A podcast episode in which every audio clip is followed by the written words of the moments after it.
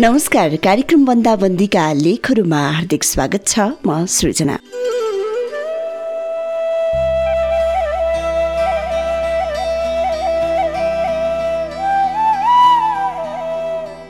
जिन्दगीको परिभाषा सबैले आफ्नै तरिकाले दिइरहेका छन् र दिन्छन् पनि। आफ्नो भोगाई अनुसारको परिभाषा पनि फरक फरक नै आउने गर्दछ।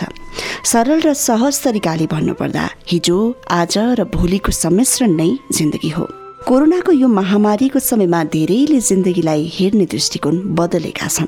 जिन्दगीमा भौतिक आर्जनको पछि मात्रै नलाग्न भौतिक आर्जनका लागि मात्रै व्यस्त हुनुभन्दा पनि जिन्दगीलाई केही कमा लगाउनु पनि जरुरी छ कतै कतै रोकिनु पनि जरुरी छ भन्ने कुरा धेरैले बुझिसकेका पनि छन्। आउनुहोस् आजको कार्यक्रममा जिन्दगीको किताबको बारेमा कुरा गरौँ। हेर्ने कथाबाट साभार गरिएको आशिष थुलुङ राईले लेख्नु भएको जिन्दगीको किताब शीर्षकको लकडाउन डायरी आजको कार्यक्रम बन्दाबन्दीका लेखहरूमा।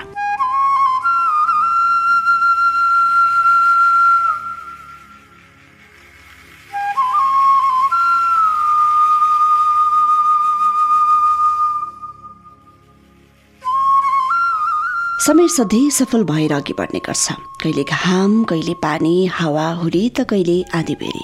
सबै परिस्थितिलाई छिचोल्दै अघि बढ्छ र त हरेक अवस्थामा सफल हुन्छ। समयलाई नै चुनौती दिँदै सफलताको यात्रामा भागदौड गरिरहेको म जन्म त मेरो सहजतामा नै भएको छ। तर जब आफूले आफूलाई बुझ्न थाले त्यति नै जिम्मेवारी पनि बढ्दै थियो। आज मसँग मेरो मात्र नभई परिवारको सपना पनि जोडिएको छ। त्यही सपना प्राप्तिको लागि सकारात्मक सोच र उत्साहका साथ सङ्घर्ष गरिरहेको छु। म जन्मदा मेरो पहिचान थिएन। त्यसैले मेरो जन्मको खबर धेरैले थाहा पाएनन्। तर यस्तो पहिचान बनाउनेछु जुन बेला मेरो मृत्युको खबर दुनियाँले थाहा पाओस्। हेर सपना लिएर सङ्घर्ष गर्दै थिए। सङ्घर्षको यात्रामा रमाइ नै रहेको थिएँ। दिन प्रतिदिन कोरोनाको दर्दनाक आतंक र त्रास बढिरहेको थियो। विकसित राष्ट्रहरूमा पनि ठुलो महामारीको रूप लिएको सुन्दा कता कता मनमा डर लागिरहेको थियो। यति सानो राष्ट्र नेपालमा आयो भने के होला? हिजो सानोमा विकासोन्मुख देश भनेर निबन्ध लेखेको याद छ अझै पनि। विकासोन्मुख नै छ। आफैलाई प्रश्न गर्थे के मेरो सपना पुरा नहुने हो र? फेरि सदा चाहिँ आफ्नो दैनिकीलाई मध्यनजर राख्दै कार्यतर्फ लागिरहे।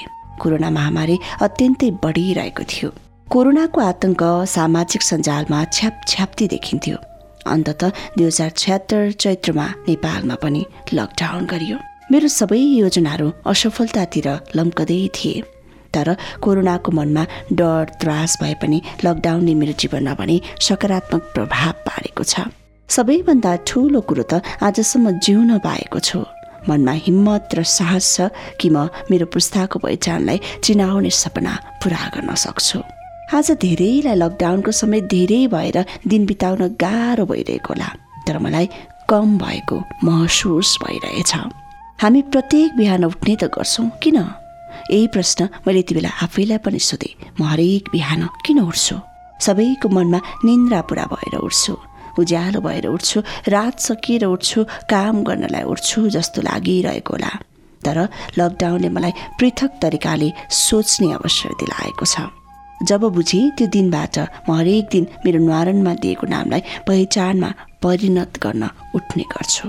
लाखौँ सपनालाई उजागर गर्ने अवसर दिनका लागि उठ्ने गर्छु। किनकि यदि हामी सफल हुन चाहन्छौँ भने खुसी बाँड्न सक्नुपर्छ।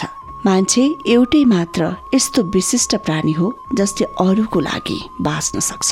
बाहिरको माहौल निकै शान्त देखिन्छ। तर पनि धेरैजना बाहना बनाएर बाहिर निस्केको देख्छु। अचम्म लाग्छ विश्व हाम्रो स्वास्थ्यमा चिन्तित छ।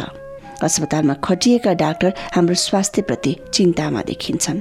चोक चोकमा खटिएका राष्ट्र सेवक हाम्रो चिन्तामा देखिन्छन्। तर हामी आफ्नो लागि चिन्तित छैनौँ। सबै आफूमा सचेत हौ राष्ट्र आफै सुरक्षित हुनेछ। दुनियाँले बनाएको धनी गरिब र मान अपमानको कारणले धनी र सम्मान कमाउन बाध्य बनाएको छ। म पनि भविष्यको सुनिश्चितताको यात्रामा आज घरबाट अलि टाढा छु। बन्द कोठाभित्रबाट विश्वलाई निहालिरहेको छु।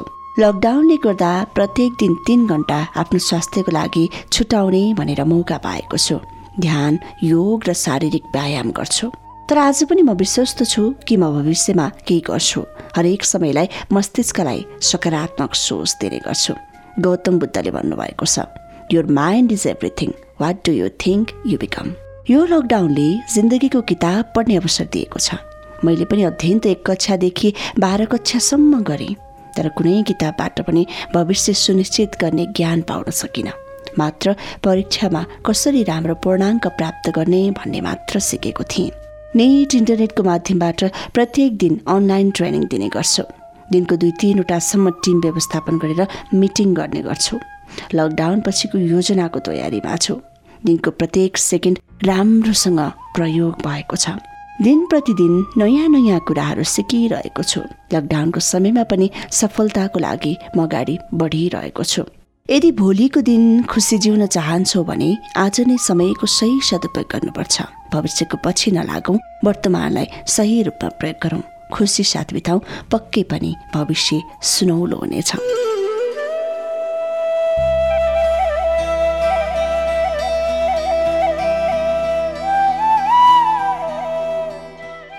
आशिष थुलुङ राईले लेख्नु भएको जिन्दगीको किताब शीर्षकको लकडाउन डायरी आजको कार्यक्रम बन्दाबन्दीका लेखहरूमा प्रसारण गरे श्रोता मित्र भोलि फेरि अर्को एउटा बन्दाबन्दीका लेखहरूको साथमा उपस्थित हुने नै छु। यदि तपाईँ पनि यस्ता लेखहरू लेख्न मन पराउनुहुन्छ भने तपाईँले लेख्न सक्नुहुन्छ र कालिम्चोक एफएमको फेसबुक पेजमा म्यासेज गरिदिन सक्नुहुन्छ। सँगसँगै तपाईँ यदि कविता गजलहरू लेखिरहनु भएको छ यो लकडाउन सम्बन्धी लकडाउनका बेलाका विषयमा भने त्यो पनि तपाईँले आफ्नै आवाजमा रेकर्ड गरेर म्यासेन्जरमा म्यासेज गरिदिन हामीलाई सक्नुहुन्छ। हामी तपाईँका लेखहरूलाई रचनाहरूलाई तपाईँका आवाजहरूलाई कार्यक्रम बन्दाबन्दीका लेखहरूमा समेट्नेछौँ। आजलाई भने बन्दाबन्दीका लेखहरू यति नै। भोलि फेरि समयमा अर्को एउटा लेखको साथमा उपस्थित हुने नै छु। यतिन्जेलसम्म सुनेर साथ दिनुहुने तपाईँ सम्पूर्ण श्रोताहरूलाई विशेष धन्यवाद अनि प्राविधिक मित्र प्रहलादलाई विशेष आभार भन्दै बिदा हुन्छु। नमस्कार।